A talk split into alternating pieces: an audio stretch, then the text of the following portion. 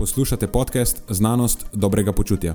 To je oddaja, v kateri odkrivamo, kako lahko znanost pomaga izboljšati vaše počutje in kako kritično razmišljanje omogoča sprejemanje dobrih odločitev na področju zdravja in fitnesa.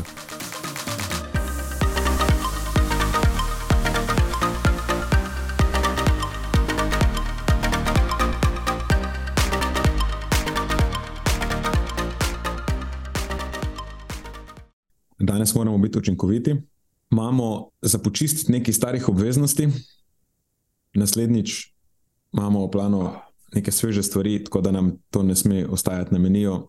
Če se jaz prav spomnim, imamo za obdelati Erika de Elektrika, oziroma njegov izziv, z koliko čokolade je pojedel v 48 urah, in posledično vprašanje, ki se ob tem postavi, koliko se lahko človek zredi naenkrat v zelo kratkem času, torej recimo v enem ali pa v dveh dneh.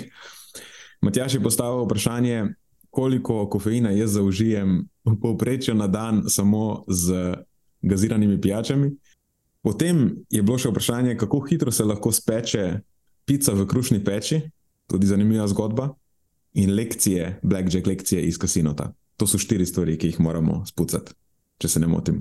Ja, to je to. Preden začnemo, pa se moram zahvaliti še našim sponzorjem. Zaenkrat to še vedno ni velika korporacija, temveč zvesti poslušalci, ki nam izkazujete zaupanje in podporo s prijavo v našo člansko skupino Znanost dobrega počutja. Hvala vsem, ki s tem držite luči prižgane in omogočate podkastu, da raste in postaja še bolj kakovosten. Hvala tudi vsem, ki nas podpirate s pozitivnimi komentarji in visokimi ocenami, ter s tem, da priporočate podcast svojim znancem in prijateljem. Zdaj pa je končno čas za začetek epizode. Uživajte ob poslušanju.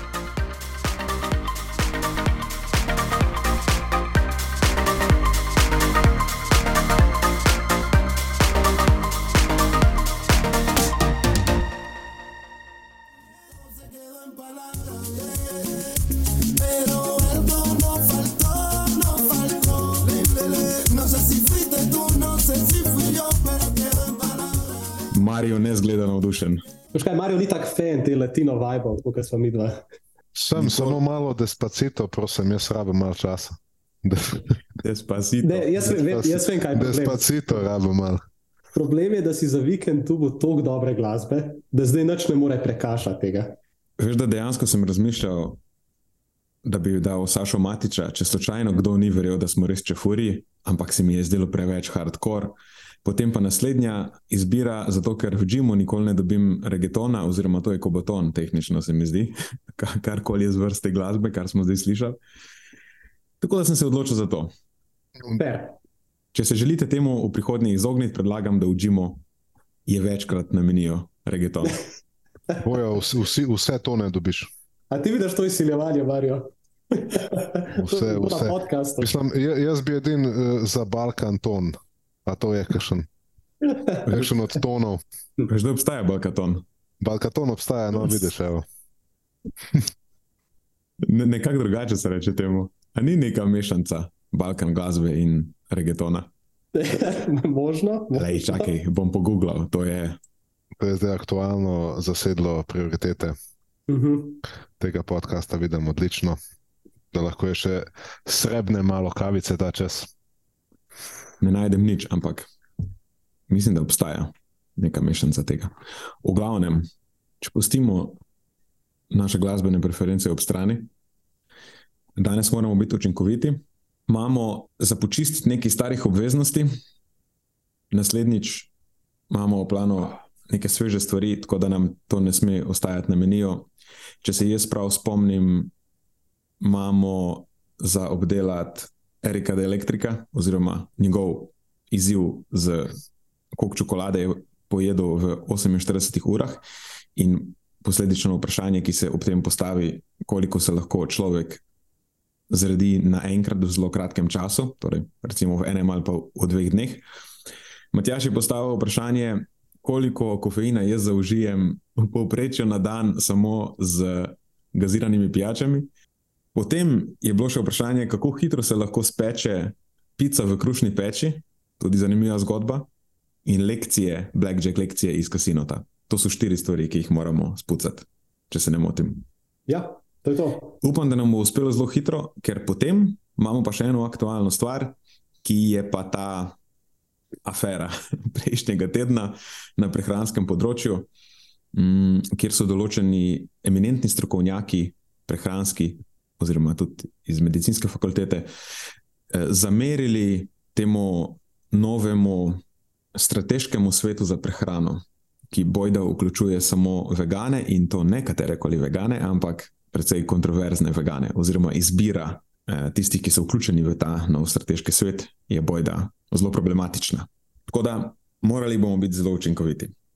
Odlično. Pa, pa kar zaštartajmo z Erikom, da se malo grejemo. Ja, Erik je prvi, mislim, da tudi zelo aktualna stvar v tem obdobju. Zdi, da Veseli decembr, kar kliče po tej temi. Ja, bi rekel, da ljudje razmišljajo o tem, kako problematično je zdaj to neko pre- prenajedanje v zelo kratkem obdobju časa. Torej, če naredim en hiter uvod, da vemo, o čem se pogovarjamo. Erik the Electric je nek tip, ki je ta competitive eater, torej eh, tekmovalec v hranjenju. To so razni izzivi v uživanju.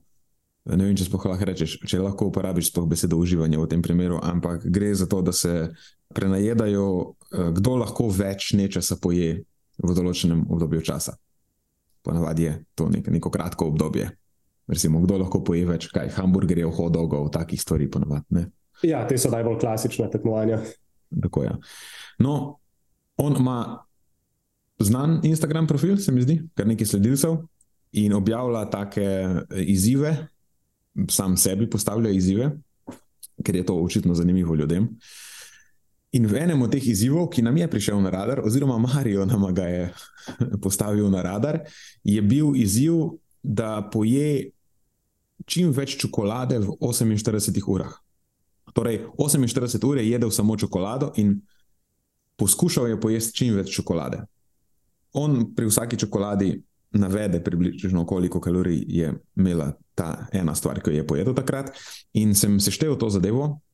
Ocenil sem, da je pojedel v teh 48 urah nekje okoli 60 tisoč kalorij čokolade. Če se ne motim, se je v tem obdobju uh, številka na tehtnici, torej, ja, ko se je stehtal pred in po, razlikovala za nekih dobrih 11 kg. Je tako? Ja, tako je. Okay. Zdaj pa, če bi pretvoril te kalorije direktno v recimo maščobno tkivo, če bi bila konverzija 100%, če se ne motim, bi to bilo približno 7 kg maščobe. Uh -huh. Torej 7 kg maščobnega tkiva skladišči nekje 60 tisoč kalorij. A sem se zmotil, nisem se zmotil. Lahko na hitro vržemo to v kalkulator, samo da vidimo. Ja, to bi pomenilo 63 tisoč, ne? Se pravi, Okay. približna računica se izide. ja, dobrih 7 kg bi bilo. Ja. Okay. Zdaj, kaj vidva mislite? Evidentno je številka na tehnici bistveno višja od teh 7 kg. Tako da nisem mogel zrediti za toliko, prekršil bi zakone fizike. Pač ne mogoče je. Ne? Ja, mislim, najbrž je nekaj že sam na, na račun same mase hrane, ki jo mora zaužiti. Predvidevam, da je tudi kaj spil poleg tega, ker pač pojesti toliko enih kalorij od čokolade, pa eh, da tega ne poplakneš dol z nečem, mislim, da to enostavno ne gre skozi. Ne? si predstavljam. Mhm. Uh, in uh, rezultat je takšen, kakršen je.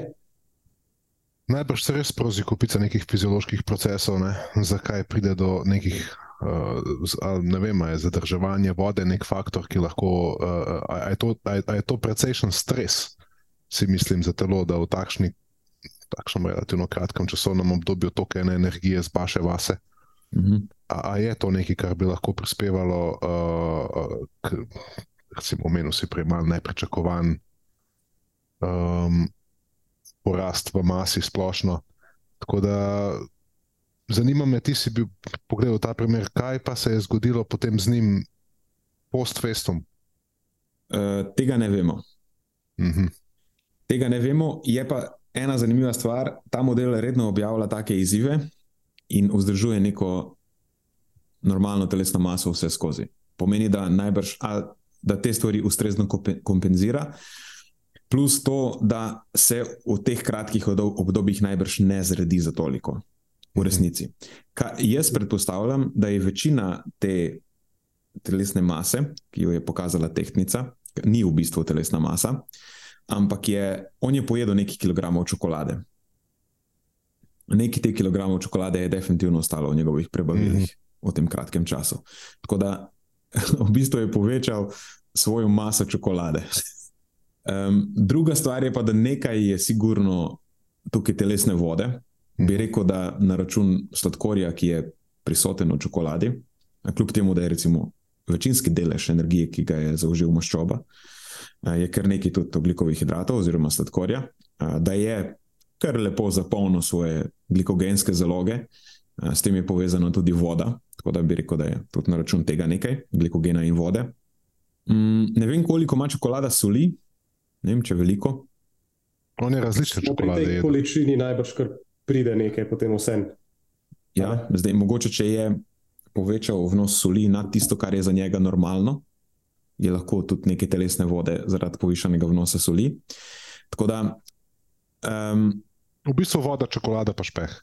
ja, ja, zdaj pa nekaj od tega je pa špeh, definitivno. Ja. Ker, če govorimo o tem, koliko se je dejansko zredil, nas zanima najbrž maščoba. Um, in če najbolj učinkovito shranjuješ maščobo, takrat, ko ješ maščobo. Pač maščoba ne, potrebuje najmanj dodatnih poti, najmanj dodatne energije, da se dejansko uskladišči kot um, telesna maščoba, torej, da se shrani v maščevje ali pa kot maščevje. Zdaj pa, kako bomo to ocenili? Obstaja ena dobra raziskava, jaz se bom referiral na to, mislim, da, da, bo, bo čist dobra, da a, pridemo zadevi do dna, oziroma da vsaj približno ali pa relativno natančno ocenimo, koliko je na račun teh zaužitih 60 tisoč kalorij dejansko lahko pridelo v teh dveh dneh maščobe dodatne. E, Raziskava je, e, to so Hvala Baba in sodelavci, ki so štiri tedne eh, hranili ljudi za 40 odstotkov presežka z dvema različnima dietama. Ena dieta, oziroma ena skupina, je 60 odstotkov vnosa uživala iz oglikovih hidratov, tako da to je bila pretežno dieta, ki je imela teh, tega presežka, teh 40 odstotkov iz oglikovih hidratov. Druga skupina je pa uživala 50 odstotkov iz maščob. Torej, ta druga skupina je uživala nek, nek tak vnos makrohranil, približno kot Erik the Electric. Ker on je užival te, te sladkaste čokolade, ki niso 100% maščoba, oziroma ki imajo tudi nekaj oglikovih hidratov. Tako da bi rekel, da je njegov vnos, če bi naredili breakdown po makrohranilih, bil glih nekako tak, da bi dosegel 50 odstotkov, mogoče malo več iz maščob. Tako da ta, ta rezultati te druge skupine se bodo mogoče kar, kar dobro, eh, se znajo kar dobro aplicirati. No, kaj je namen te raziskave bil, pohvale Babe in sodelavcev? Um, poskušali so določiti faktor učinkovitosti odvečne energije. To, to je zdaj moj prevod, ne vem, če je uh, čist korekten. V, glavnem, v angleščini je Excess Energy Efficiency Factor. Torej, s kakšno učinkovitostjo se energijski višek v prehrani pretvarja v tkivo, maščobno tkivo, primarno. Ne, ko imaš tako vi- visok presežek, bo to primarno maščoba. Um, mogoče tukaj ta faktor se ne bo tako direktno apliciral, že zaradi tega, ker pri njih je bil presežek 40 odstoten. Si predstavljam, da se potem ta številka še malenko zniža, če je tvoj presežek 200 odstoten. Pa še obstaja najbrž neka zgornja meja, za katero ne vemo, uh, koliko energije ti dejansko lahko asimiliraš in koliko je potem na neki točki pač gre sam skozi tebe. Mm, Ja, je kar zanimivo sestavljati take raziskave. ja. Si predstavljaš to eh, predstavljati udeležencem raziskave, kaj bo mogel storiti? Ja. Ker tukaj govorimo o 40 odstotkov, pomeni, da če ima nekdo recimo 2000 kalorij za vzdrževanje, ocenjenih, potem ga moraš skoraj 6000 nahraniti zraven. Ne, lahko gre za 1000 kalorij, skoraj viška. Če ima 200 2500, recimo nek sedeč moški, normalen, potem še toliko več. Je, je kar nekaj odvečne hrane. No. Torej, v glavnem po domače, ne.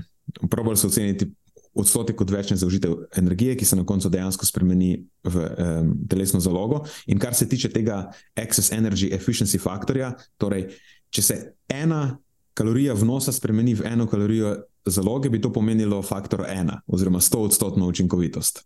Ampak v praksi se to ne zgodi, ker vedno pride do neke, do neke izgube.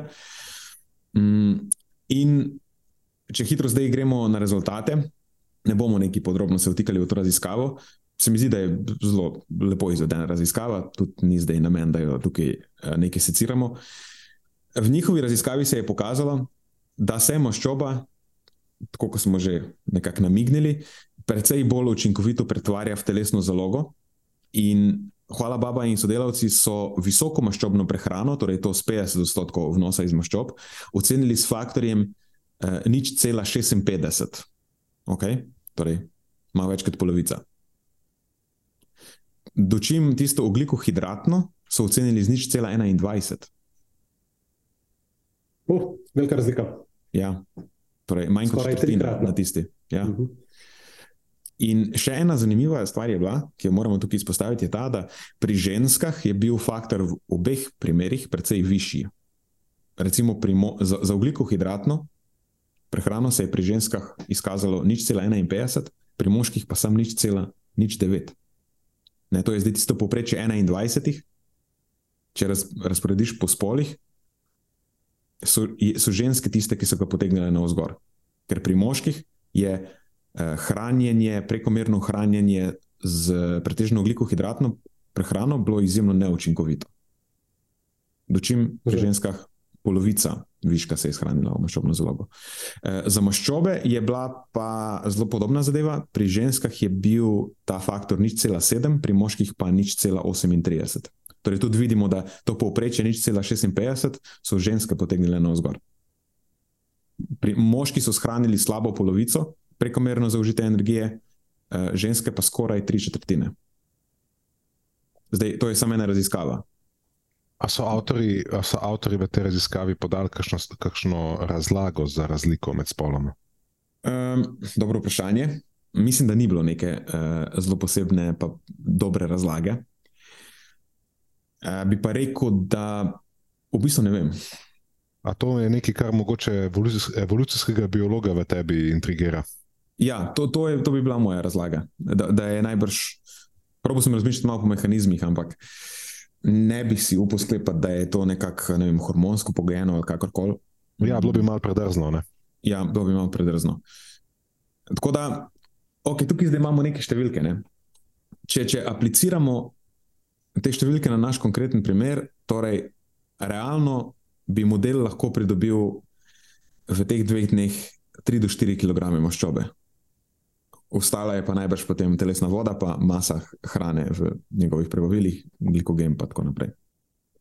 Ja, spravi zgolj ena tretjina pravzaprav bi bila maščoba od vsega tega. Ja, Zgolj, pod narekovaj, se to še vedno Ja. veliko, ampak še vedno veliko. Ampak tukaj bi jaz izpostavil ne, 60 tisoč kalorij. To je ogromno. Nepredstavljivo Ja. v bistvu. To je nepredstavljivo. Ja. A, a pa lahko poskušamo dati to v količino, v število dni povprečnega energijskega vnosa, Ja, recimo, če za lažjo predstavo. ja, lahko zračunamo za neko Recimo recimo, 30. povprečno žensko, ki ni zelo telesno dejavna. Enostavno razdelimo z 2000, kot, kot je neka ocena. Ja. Sej, Ja, matematika je pol, ja, zelo preprosta. En mesec, ja. en mesec Prav. hrane je zaužil v dveh dneh. Je šokantno. Ne? Ja. Zdaj pa, če hočemo narediti to, bo Pa malo bolj pra- praktično. Oprosti, najbrž sem, sem hotel oprostiti, če sem ti skočil besedo. Najbrž ni šel v tem času enkrat na WC. Ne vem. To pa so informacije, Ja, ki jih nimamo. Ampak, ampak tako ne, uh, si mislim, da te, te zna kar zapreti taka, taka bomba čokolade. Ja. Um, Oprosti, sem je samo teren na misel, ker, ker nadaljuj. Ja, zdaj pa recimo, če, če imamo neka dva dneva prenajedanja z recimo tisoč kalorijami viška, To pol je že lahko, bolj realistično. ja, to je bolj realistično.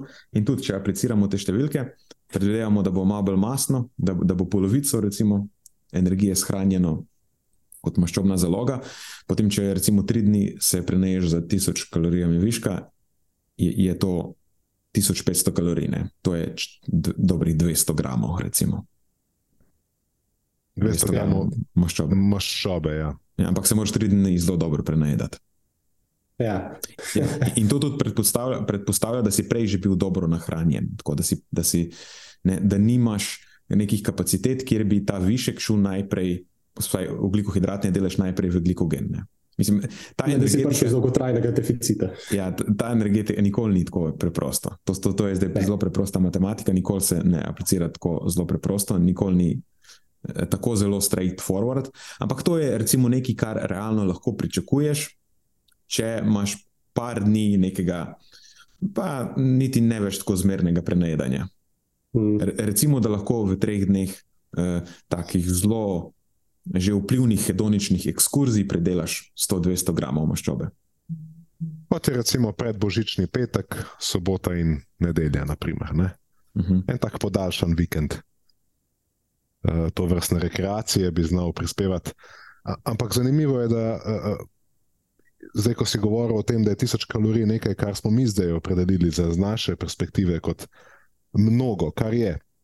Um, se mi je pojavilo nekaj spominov na situacije, ko pa so bili ti presežki mnogokrat večji. Ja, In to precej- nekaj. In to, in to predvsej, tako bi lahko rekli, z lahkoto, še posebej v kombinacijah, ne toliko samo s hrano, kar bi res se strinjal, da ne, z- zna biti kar um, tako na menice, moraš a, a prenažirati in moraš dejansko se potruditi, ali pa truditi uživati hrano, ko ti nekako telo niti več ne, ne, ne, to ne dopušča, ampak s pijačo. Ne, se pravi, v Mhm. kombinacijah s pijačami se mi zdi pa, da se da te mehanizme uh, zavesti in dodati kar še kakšnega tisočaka ali dva ali celo tri. Ma celo postavil bi to neko predpostavko, da je mogoče celo lažje spiti, kot pa pojesti presežek. Glej, če smo čist praktični, v prejšnjem tednu sem imel dva varovanca, ki sta imela tako res naporen urnik, delata v službah, kjer, sta, um, kjer je veliko raznih družin in morata obiskovati zdaj razne zaključke. In se je zgodilo točno to, ker sta z lahko, imata pa tudi oba dva relativno uh, neke take zelo uh, visoko leteče cilje, kjer moraš biti zelo dosleden. Oziroma, ne, če imaš take cilje, je potrebno potem te ekskurzije nekako kompenzirati, kakorkoli zdaj nepopularno se to sliši, pa ne smo. Zdaj na Instagramih je, ja, pa december je lep, pa delaj, kar hočeš, ne se zdaj obremenjevati, ampak pač ona dva imata take cilje, kjer potem tudi ta december mora biti ustrezno zamejen. In se je zgodilo, se je namreč točno to, ker ne moreš si misliti, kako hitro kombinacija pijače in nekih takih precej mastnih jedi, a veš, imaš tu nekaj malo cvrto, pol imaš neko polivko čez solato, spil si prej en kozarček alkohola, vmesen kozarček alkohola, polen kozarček alkohola, aperitiv, dva pregrizka si vzel in se je zgodilo parkrat, da je to bilo 2000 kalorij brez problema. A veš, tako v, v enem zelo kratkem obdobju časa. Tako da ni, ne, tako kot si že namignil. Mi smo sicer opredelili, opredelili tisoč kot veliko in je res veliko, samo spet ni pa tako težko doseči te tisočke ali pa še marsikaj več. Ne, sploh ne, še posebej, če upoštevaš, da ti alkohol malo zniža inhibicije, ki jih imaš sicer v podrekvaj treznem stanju. Ja, Pa pomisli, katera živila so na voljo v tem obdobju. Ne? To so pravzaprav vsa živila, do katerih nekako tekom preostalih dni v letu nimaš. Um, Niti ne tega splošnega družbenega dovoljenja, morda celo spodbujanja. Včasih je bila naša stroka zelo v smeri restrikcije, češ, a ne, uh, roke proč. Uh, danes se mi zdi, da smo postali tudi mi, kot predstavniki nekakšne stroke, a ne, ok, da ne imeti slabe vesti, ne, to niso neki zdravi vzorci razmišljanja o prehrani, niso to ustrezne prehranske navade, da ne se fokusirati na to, kar počnemo večino časa. In ne, poskušamo ljudem dajati malo več svobode v tem, da izbirajo živila, ki so na voljo v tem obdobju. Ampak, ko pomisliš, katera živila ponavadi so na voljo v tem obdobju, so to glih taka živila, kjer je njihov sitostni učinek najnižji, ne? se pravi kombinacije masnih, slanih, masnih, sladkih okusov, ali so neki piškoti, biftki, mažemo putr na kruh, pa še masno stvar čez, izbiramo različne verzije piškotov, seveda je treba vse probati, tete so spekle 17 različnih vrst, ne pa da ne bi zdaj ene užalo, boš vzel in čupavce, in uneta okrogle, in uneta lunce, in uneta zvezdice, ne pa one, ki imajo štiri različne barve, pa one sadjem, pa one s posipom, ne vse treba probati. Ne. In, in tukaj je pa zdaj uh, hitro nastopi težava, vmes seveda je treba nazdraviti, ker se nazdravi ne, za vsako malenkost že znova. Uh, pa, pa, pa imamo hiter problem. Ne, tako da uh, tak pragmatičen takeaway bi bil, da ja, ok, ne, najti neko zdravo, zdravo mero, zlato sredino je fajn reči in, in, in lepo uh, se s tem okoli tega strinjati, ampak nekako smo ljudje že večkrat sami sebi in drugim pokazali, da smo v tem dih najslabši. Um, zanimivo pa je tudi to, da ponavadi med samim letom, pa, pa zdaj bom generaliziral, ne, ampak ljudje ponavadi med letom, tudi če so njihove prehranske navade, kot je to uh, luknjaste, um, se ne redijo um, linearno. Ne, tako da kar kontinuirano uživajo več energije. Ampak ponavadi se dogaja rejenje na posameznih točkah, in to je ena izmed teh točk. Se pravi, imaš nek praznik, imaš neke božične, recimo, druženja, imaš neka rojstnodnevna druženja, imaš službena, službene zabave in piknike.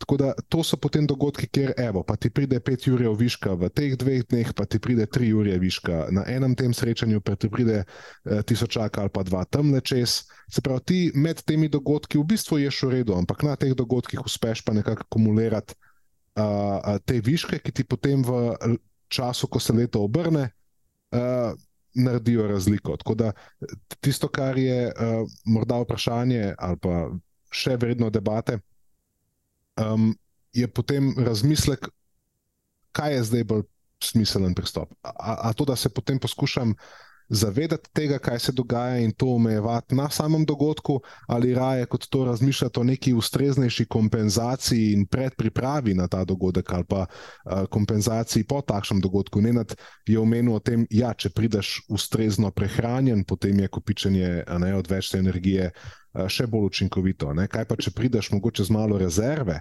Kaj pa, če potem po takem dogodku uspeš nekako ustanoviti neko obdobje, kjer pa namenoma uživaš malo manj, da bi, da bi, da bi ta višek, za katerega veš, da se dogaja, pokompenziral. Se pravi, don't go back to normal, ampak ne, greš, greš mogoče malo v minus. Se pravi, to je nekaj, kar zdaj me zanima, kaj si vidva mislite, katero od teh strategij samo uporabljate, pa kaj vidite, da pri vajnih strankah nekako najbolje um, se obnese. Ja, dve stvari pomembni si povedal. Prvo je eh, ta, da zanimiva hipoteza je bila postavljena, je nekaj podatkov v podporo temu. Nisem videl še nekih zelo močnih dokazov, ki bi to ovrgli. Je, da večina te splošne populacije, ki živi pretežno sedeč življenjski slog in je celo leto um, kar dobro nahranjena, vzdržuje neko relativno stalno telesno maso, da je pri tej skupini zaznati trend z leti, njihova telesna masa narašča. Starejši kot so, više je njihova telesna masa. In da je um, za večji del tega naraščanja skozi leta, so v bistvu odgovorne posamezne točke v letu, in to so ponavadi prazniki. In tudi vidiš, če primerjaš populacije uh, na različnih geografskih področjih, ki imajo različne praznike, torej ob različnih delih leta slavijo, recimo ne, na kitajskem praznujejo, oziroma v Aziji. So ti prazniki malo drugače razporejeni, pri nas so malo drugače razporejeni, v Ameriki spet imajo ta eh, Thanksgiving, pa tako naprej, pa je spet malo drugače razporejeno. Vidiš, da je eh, večina pridobljene telesne mase se, se zgodi eh, glih v teh prazničnih obdobjih, takrat pridobijo nekaj malo zraven, in pol v ostalem delu leta samo vzdržujejo ne, ne, ne zgubljajo. Tako da eh, to, to je eh, zelo zanimiva predpostavka. Sploh, ko govoriš o pretežno sedeči populaciji, ki ni telesno dejavna, ki jim telesna masa tudi eh, med leti tako ne, ne varira, oziroma ni nekega, ni v nobenem delu leta ni neke nek, nekega trenda navzdol. Ne, ker če imaš neke, nekoga, ki je telesno dejaven, so določene obdobja v letu, ki, kjer mogoče ne uspe pojeti za dost, pa izgubi tel, telesno maso na račun povišene stopnje telesne dejavnosti in tako naprej. Tako da pri ljudeh, ki so telesno dejavni, se to lahko tudi nekako v narekovajih naravno uh, pokompenzira. Pa tudi vemo, da je uravnavanje apetita v odvisnosti od zaužite energije bolj uh, nekako usklajeno, če si vsaj malo telesno dejaven, oziroma če imaš neko, spet narekovajih, zdravo stopnjo telesne dejavnosti skozi celo leto. Um, tako da ja, to. to Vsekakor vidim, kako je mogoče potem v, v teh primerih se smiselno, vsaj delno ukvarjati tudi z temi problematičnimi obdobji. Ne, ne samo reči, ja, se boš v ostalem delu leta popazil, ne, če evidentno to popazil, spoh če dejansko pol ne opaziš v ostalem delu leta. Da se tarčno mogoče ukvarjaš, ja, tudi bolj konkretno z, z temi bolj problematičnimi obdobji. Kar se tiče pa potem teh, spet, da imamo tudi to v narekovaje, problematičnih obdobij, Je pa tako, da raje kot neko predpripravo, se to se, in A, se mi zdi, da se mi boljše izkaže v praksi, in uh, B, se mi zdi tudi, da, da goji bolj zdrav odnos do prehrane, je ta, da se ne predpripravljaš, pa priješ se stradan na, na ta dogodek, ampak mogoče, ajde, mogoče malo, nekako imaš prej bolj nasitne obroke, pa energijsko mogoče malo omejene. Ampak da potem, če si šel na nekem dogodku overboard, se pol itak te bo vsaj malo boš sit. Potem še v obdobju potem, in ti bo tudi lažje nekaj zmanjžirati. Ne, če, spoh, recimo, če si za kosilo pojedel, full pa za večer, rabiš precej manj. In ta učinek se prelije tudi v naslednje dni, in ti je potem lažje za nazaj malo skompenzirati. In se mi zdi tudi, da to je bolj zdravo. Um, dobro, lahko spet damo, rekovaj, ta zdravo. Ampak v vsakem primeru, ja, kot pa da to, da, to, da se neki ful, um, greš za neko hudo restrikcijo prej, pa pa priješ na dogodek in imaš tako, zdaj se pa lahko nagradim. In to je spet ta moment, ok, zdaj je hrana moja nagrada. In pač nekako to se mi zdi tako. Spolsko ja. je, spolsko je, ja. spolsko je to pobočje, po, po, po kjer poskušaš balansirati zdravo mero kompenzacije za že neko nek, ne, se spogleduješ z malo motenim prehranjevanjem. Ja, to je. Uh, se pravi, tukaj bi skoraj rekel, da če, če ne veš, kaj počneš, raje ne počni ničesar, ker te zna pahant nekam, kjer si ne želiš biti. Ja, ker restrikcija v vsakem primeru je vedno hoja po robu tega ja. ne, motenega prehranjevanja. Je... Mogoče, mogoče v takih primerih, kjer nekdo ne, ne, ne, ne ve točno, ali pa ima zgodovino težav z odnosom do hrane, že Eh, preusmeritev v neko telesno dejavnost, ne v smislu uh, tega, da bom zdaj kuril kalorije, ki jih jem, ampak samo v smislu tega, da okay, poskušam malo bolj razgibati svoj dan. Uh, Kako je to zdaj možno, kako nam okolje dopušča, uh, grem na nek sprehod, uh, se gibam zunaj, sem na zraku, izpostavim se nekako uh, um, dnevu zjutraj, se pravi, uporabim, kar se le da nekih situacij, zato da se to, kar je v bistvu najlažje v tem obdobju. Ne? Zjutraj se zbudiš, se zabubiš na kavč, greš na obisk, se zabubiš za, za, za, um, za kuhinjsko mizo, potem se prestaviš pač na fotelj. Se pravi, to je nek tak naraven ritem dogodkov. Ne, da poskušaš vsaj to razbiti z, nekim, z nekimi uložki uh, gibanja, koliko je to mogoče, vsaj v tistih trenutkih v dnevu, ko imaš to um, čas zase ali pa to možnost. Um, ja. Kaj pa vem, bolj razmišljam zdaj s tabo tukaj. Ja, to je tudi še eden izmed nasvetov, ki jih jaz pravim dati. Če, če si se, gledaj, če si, ko si dobro nahranjen, pol imaš potencial, da si bolj telesno dejaven. Ne, in, in zakaj ne bi potem to, da si dobro nahranjen, izkoristil, da recimo naslednji dan organiziraš, da veš, greš te, pejte sankat z otroci ali neki, veš, pejte um, v nek hrib ali karkoli. Ne. Imaš priložnost, da ste vsi dobro nahranjeni, da potem naslednji dan malo bolj aktivno preživite, mm -hmm. ker ste že podprti ustrezno. Ja, pro, probam pa ja, uspodbujati stran od tega, da okay, zdaj smo ful pojedli, zdaj moramo to pokoriti. Čeprav vedno obstaja nevarnost, da si ljudje to tako razložijo. Sam, ja, Jaz eh, prepoznavam izraz na Matjaževem um, licu, mhm. ki brez ene same besede nama govori, fanta, peta že dosti te teme, rekli smo, da moramo biti on point. učinkoviti. ne? Ja, ja, Učinkoviti moramo biti, se pravi, gremo dalje, gremo dalje. A imam prav, Matjaž? Uh, ta izraz je bil v bistvu bolj to, da sem probo se ustaviti pred kihanjem. Aha, ok, pa. Ampak ta dva izraza sta zelo podobna. Ja, da, A, vidiš, ja, pa zoom kamera, nisem dobro prepoznal. Ok, torej, mi mislim, da smo obdelali to. Jaz bi rekel, da je kar zadovoljivo. uf, zelo. Cool. Zdaj pa naslednje vprašanje. Matjaš, zadnjič, ko smo bili v Berlinu, si opazoval moje navade uživanja tekočin oziroma hidracije, ki so se ti zdele nenavadne. A, a bi nam uh, zaupal, zakaj so se ti zdele nenavadne? Pa moje so, a, a mo, veš, moje se tudi zdijo nenavadne. Ne? Ja, ti tako več ne piješ. Tako da temu težko rečeš navada, a veš, ko sploh ni ničesar. Zdaj, uh, a veste, on rek, voda še za očevalni. Tako, če bi lahko dal sliko na ta rek, pa bi bila nenadova slika. Zato, ker na vsakem koraku, ki si imel priložnost, da si videl, da si se losil vode, ampak si pa pač posegel po teh uh, low calorie pijačah, tipa Cola Zero in tako naprej. Uh, tako da ja, je pač prišlo vprašanje, ven. zdaj, a veš, koliko kofeina pa ti zaužiješ na dnevni ravni izključno iz takih pijač. A bi se njemu želodec zmedel, če bi spil kozarc vode? Po mojem bi bruhnil, bi mislil, da ga V tej točki, po mojem, da res. Ja. Ja, torej, pretežen delež mojega vnosa tekočin predstavljajo nekalorične gazirane pijače. Ja, Pa še kakšna kavica po vrhu, pa smo zmagali. ja, ja nekaj takega. Ali pa kak A- pre-workout, Ja, energy, pa kak- energy drink. točno to, točno to. In ja, te pijače dejansko vsebujejo, mislim, če so popite v malo večjih količinah, potem že nek tak nezanemrljiv delež kofeina. Uh, Podatki, ki sem jih jaz uspel najti, so, da navadna Coca-Cola vsebuje približno 35 mg kofeina na ta 12 OZ, to so te ameriške enote, uh, to je približno 350 ml. Če to pomnožimo krat 3, potem dobimo nekih 100 mg kofeina na liter, kar je zdaj že kaj, taka kar močna kava, ali pa uh Mhm. -huh. malo bolj srednje močna kava.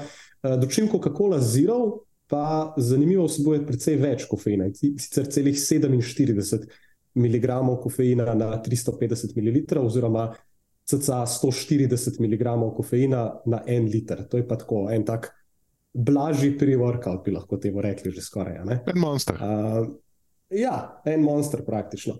Dre, tista pijača, ki ima pa največ kofeina, je pa Pepsi One.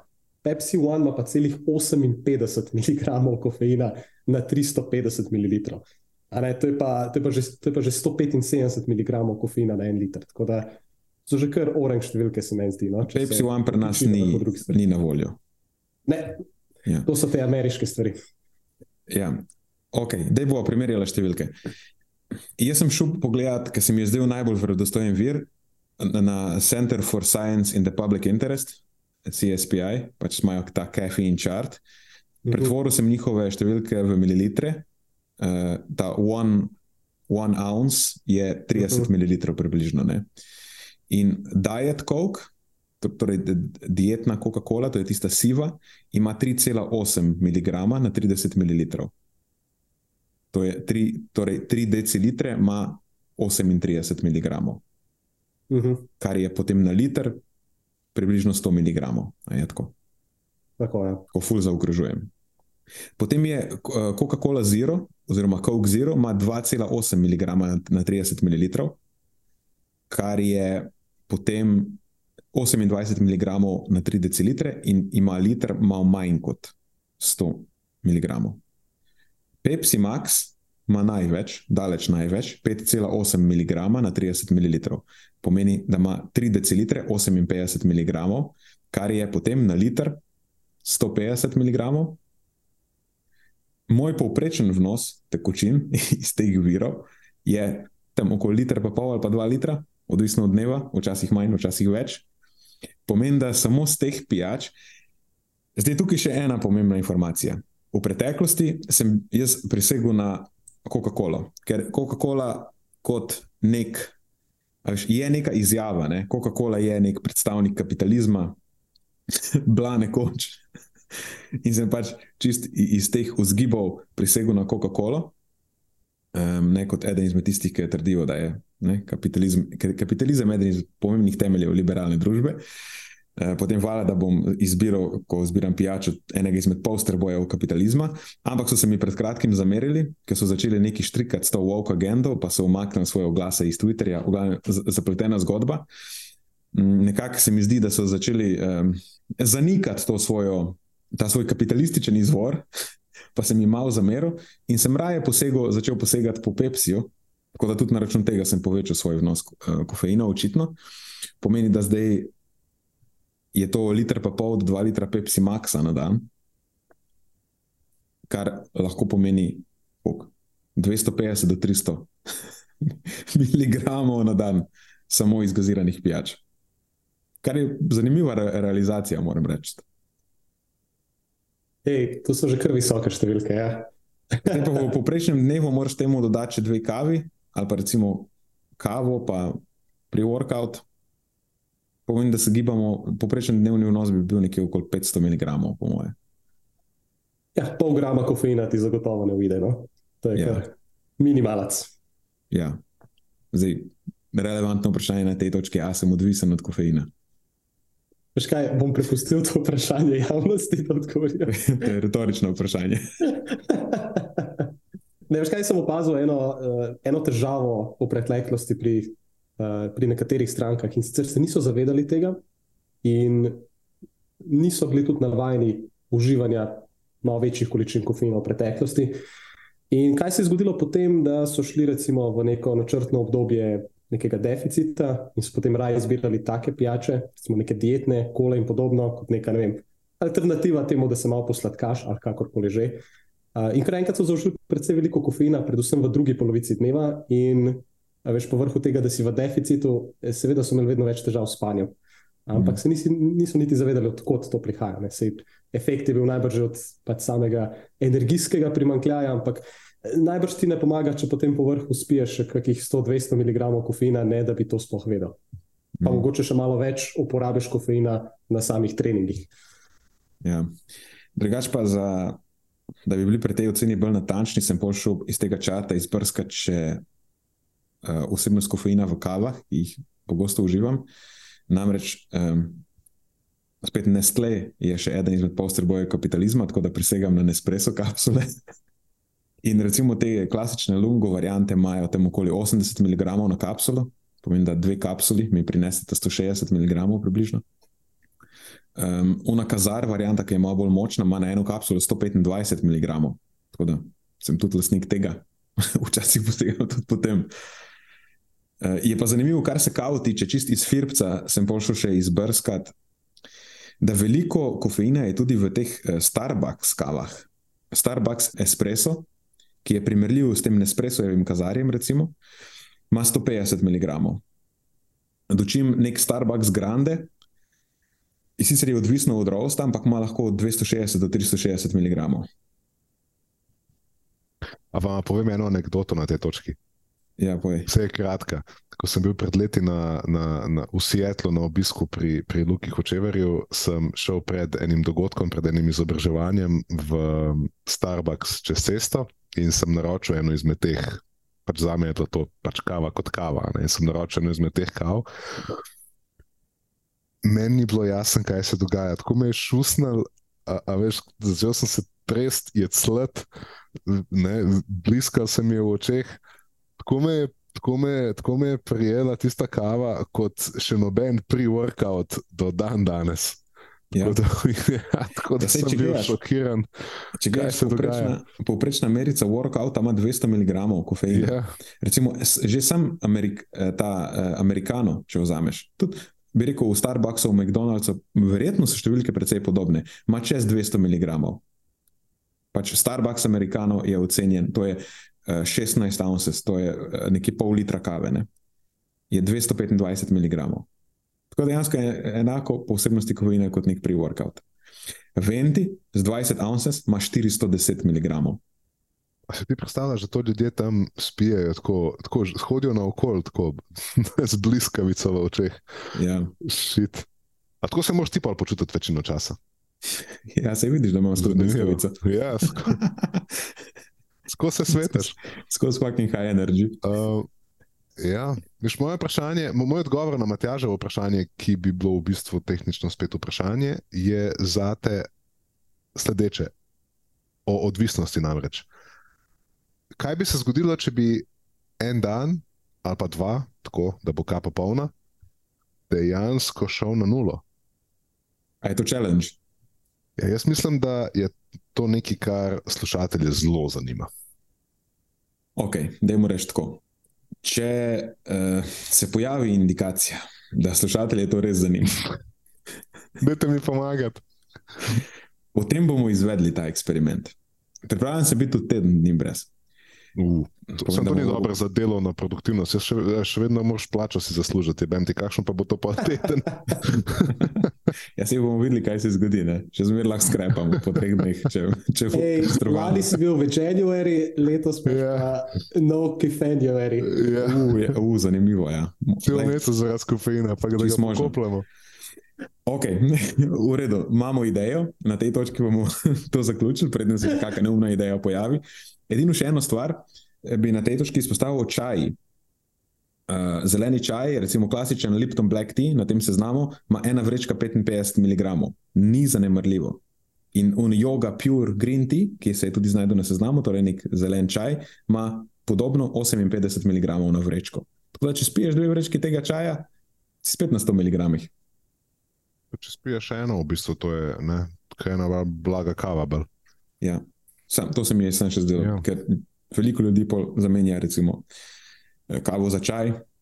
Ja, in kar se tiče same osebnosti kofeina, čeprav potem je pri čaju še marsikaj drugega, ki mogoče malo blaži ta učinek, pa tako naprej. Um, ja, ampak tudi čaj ni brez kofeina. Pravi čaj govorimo, to so črni, zeleni, beli in tako naprej. Ok, gremo dalje. To bo zelo kratko. Kako hitro se speče pica? Zakaj se nam je pojavilo to vprašanje? V Berlinu smo naročili pice in so zašu, zaš, zašuštrali mojo, moj order. In potem Marijo in Matjaš sta že imela pico na mizi in sta se odločila, da vljudno počakata, da meni spečejo to pico in mi jo prinesejo. In smo. Ma, nisva se vljudno odločila, ampak ti, pač kot glavni influencer te naše filgu družine, si hotel in rabo imeti eno Ne. lepo fotko. No, no. je bilo to treba narediti. Ne? Ne zdaj Matjaž. predlagati krivde, ne zdaj predlagati krivde name, ker sem jaz eksplicitno, bil sem zelo ekspliciten, sem rekel, začnite jesti te pice, vprašanje, kdaj se bomo razpekla. V glavnem, no, v redu, posta čakala. In sem jaz rekel, pa se to bo hitro. Itak morajo sem stvari dati gor, testo imajo že pripravljeno, ko jo dajo v krušno peč, je to dejansko par sekund do minuta in bo stvar pečena, pomeni, da v petih minutah jo lahko imajo pripravljeno, da ne bomo čakali več kot pet minut. Uh -huh. Izkazalo se je res tako, v bistvu po petih minutah je pica prišla. Tako da moja hipoteza se je izkazala za, za točno. Sem pa pošel preveriti, kako hitro se lahko v krušni peči speče napolitanska pica, to je pač pica, ki ima relativno tanko testo. In šel sem preveriti k enemu izmed najbolj priznanih znamk krušnih peči, ki se ukvarja tudi z izobraževanjem o, o, o, o tej zadevi, torej o peki pic v, v krušni peči. In oni navajajo, da se napolitanska pica v krušni peči speče v 90 sekundah do 2 minutah.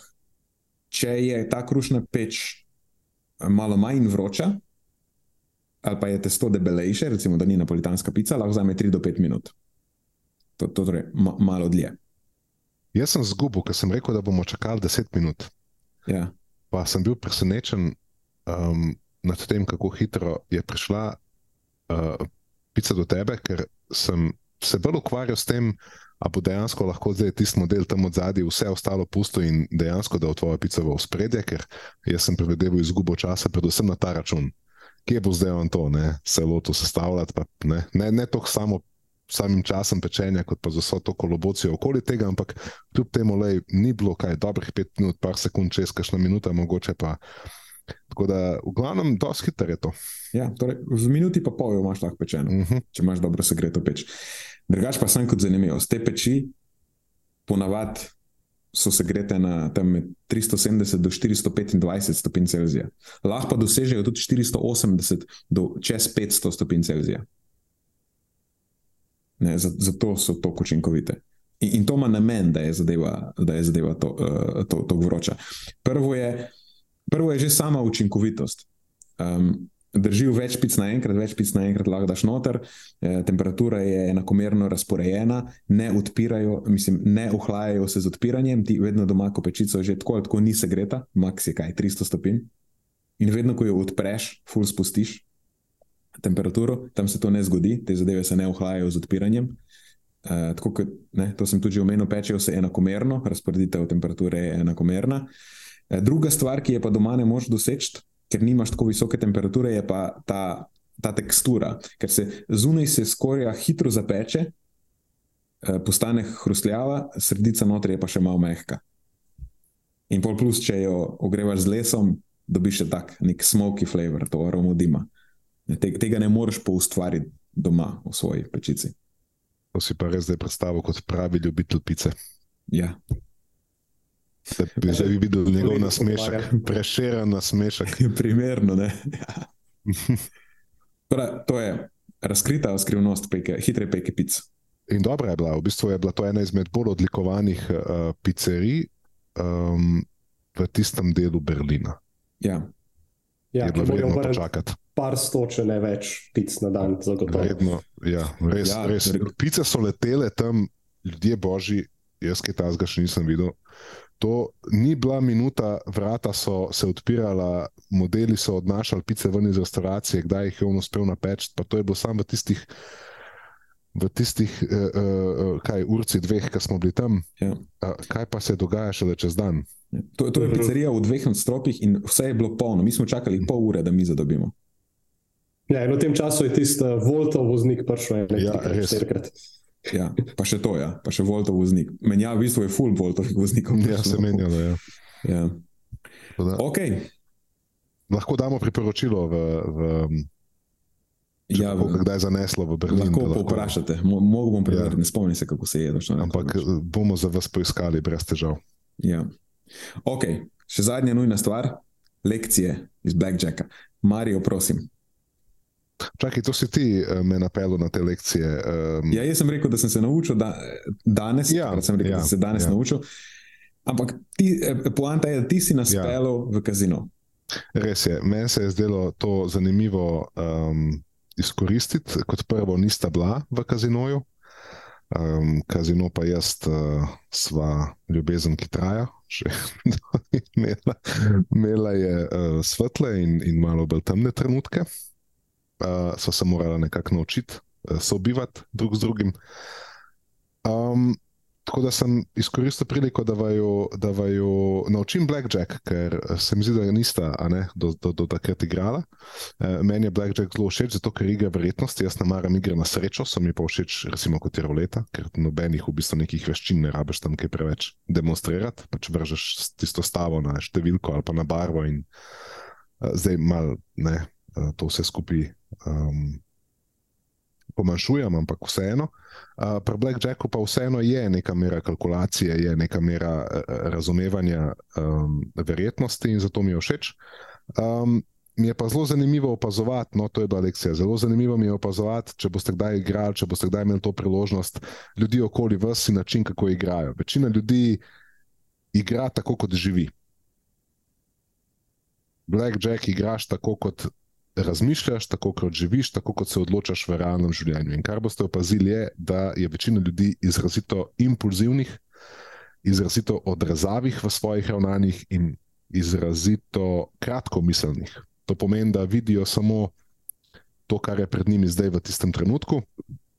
In ne znajo nekako pogledati dve, dva koraka naprej, in tako tudi stavijo. To pomeni, da v konkretnem primeru se zgodi to, da se jim posreči, kar v lifeu se včasih zgodi, ne se ti posreči, prideš do nekih denarja, ne, staviš tam 10-15 evrov, dobiš hiter kupček 50-100 evrov, nekateri okoli nas so se že zelo nekako uh, videl si prsa, kako se jim širijo, ko so dobili stavo uh, z nekaj desetaki oziroma stotakom gor. Uh, ni bilo 15-20 minut, a ne so že naročali šote, da se da potolažijo svojo žalost, ker so zelo hitro vse to izgubili, ker nekako niso uspeli zajeziti tega trenda izgube. Dočim smo mi uspeli prijeti noter skok 50 evri, igrali smo uro pa pol, da jim rečem doka. Spili smo vsak dve pijači, kar bi Brezplačno?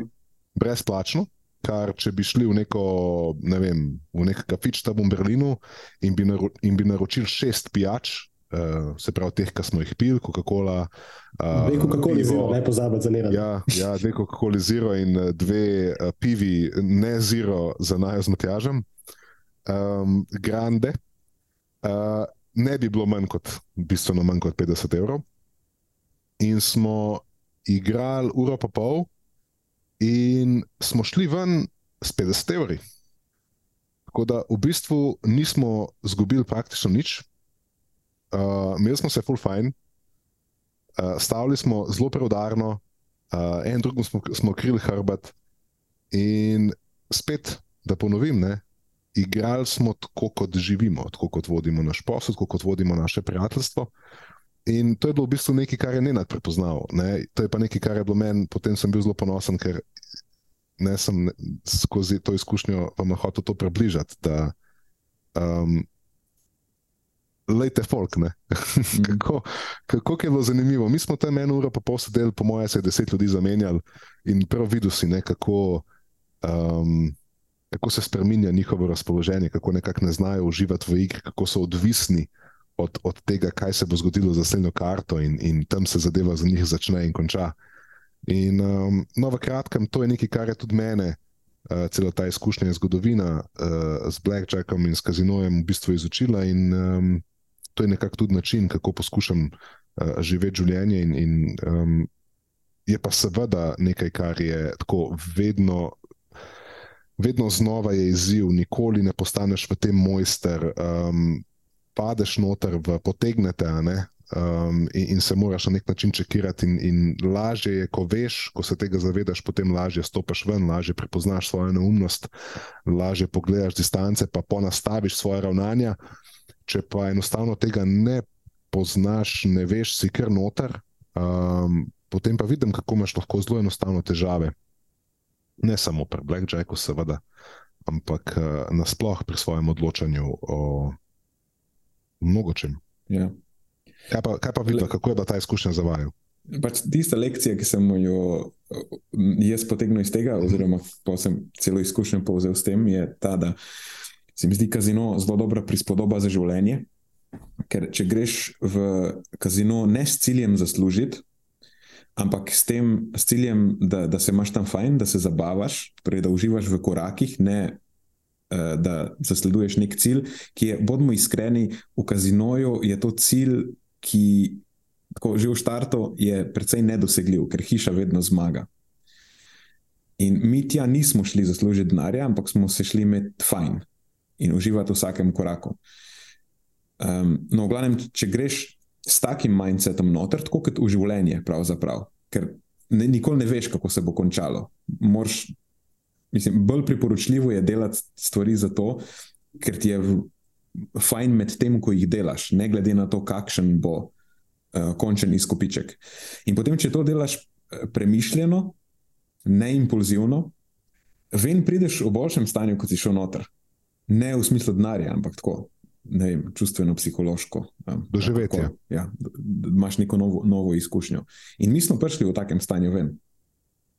Ja, dočim večina ljudi, mi smo tam, po mojem, res izstopali. Še ena stvar, ki mi je bila zanimiva, je ta, da vsi oni okoli nas so se ukvarjali predvsem sami s sabo in s kartami, in so se ful sekirali za te karte. In, to, to je, bili so tako zaprti sami vase. Če si pogledal nas, mi smo se skozi neki zabavali z unimi delilci kart, pogovarjali Mhm. smo se. Dobesedno tri ljudi smo spoznali tam. Un en model nam je razlagal, kako mu je Slovenija fajn, kako razmišlja, da bi se preselil v Slovenijo. Ne? Potem je bila ona delilka karta, veš, ona, ki nam je fulne sreče prinašala. Mislim, to je neverjetno. Vse smo Ja. izgubili pri njej. Ampak ona nas je lepo opozorila, Ja. da hiša vedno zmaga. Ja, ja. Pri unih dveh drugih delilcih smo vedno dobivali, pa je pa prišla ona in smo vse, kar smo dobili, izgubili. Ampak smo se z njo najbolj hecali. pa. Ja, ja, ampak tako je tudi to, ne veš. Zvedel si, da tukaj zdaj dela malo za umes, da si nekaj zasluži zraven in tako naprej. V glavnem, bili smo zelo receptivni za stvari, ki se okoli nas dogajajo. Nismo bili zaprti vase, ampak smo opazovali okolico, interaktirali smo z okolico, dočim oni vsi ostali so tako, precej žalostno se mi je zdelo, no? kako so tako v nekem krču, sami vase zaprti, samo ne karte, nič drugega okoli sebe ne vidijo. In tako, Ne samo to, da so že v, pač v štartu, ki so šli z napačnim ciljem noter, pa trpijo zaradi tega, ampak pol dodatno trpijo še zaradi tega, ker jih to zasledovanje nekega nesmiselnega cilja eh, zapre pred vsemi pozitivnimi izkušnjami od zunaj, ki bi pa lahko prišle do njih, ne, če bi bili odprti. bolj. Da, Ja, zelo dober primer tega je bil tisti model, ki je sedel na moji desni. ja, LOL. Zelo velika faca. Ja. Uh, to je bilo pa ravno nasprotno od tega, kako smo mi pristopili do te igre. Tako da hvala ti, Marijo, uh, super si naj naučil. Še kdaj? Un model je zapravil 100 evrov, po moje, v 20 minutah. Ja, ja. Ja, Ampak, Ampak vi bi mogli, vi bi mogli še videti, več bi Matjaža, on zapravil, je šlo dobro. slitu, double down, vse se je naučil, ne Mato. vse. Vse izraze zdaj poznam. Ja, ja, In geste z rokami. ja, ja. super. Bomo, evo, bomo ponovili. Evo ga, spucali smo vse, kar je obvezno. Zdaj pa še za za dodati bonus točke. Ja, zdaj te bonus točke, ne vem, če imamo čas te bonus točke. Ja, jaz se bom mogel. Ja, Matjaža priganja čas. Jaz predlagam, da mi počakamo še kak teden, da vidimo, kaj se bo s to situacijo zgodilo. Zdaj, trenutno je precej eksplozivna, mogoče je bolje, da se ne vtikamo zaenkrat v to. Da se Da vidimo, kako se, ja, da vidimo, kako se bodo strokovnjaki na eni in na drugi strani zmenili, in potem lahko mi podamo končno oceno. Ja, dobimo še malo informacij v tem času. Ja, Se pravi, hočeš reči, da bomo uh, o, o, ravnali um, preudarno in odraslo. V tako. tem primeru, ne, se pravi, bomo malo počakali, da se strasti pomirijo, in potem bomo od, o, o, o, odigrali vlogo glasu razuma. Odlično si povedal to.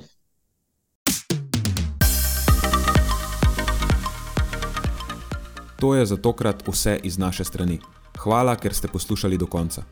Delite epizodo s svojimi znanci in prijatelji in jo priporočajte dalje, saj s tem omogočite, da sporočilo znanost dobrega počutja doseže čim večjo množico. Hvala vsem, ki nas podpirate s članarino in tudi vsem ostalim, ki delite podcast dalje in nam izkazujete naklonjenost z visokimi ocenami in pozitivnimi komentarji.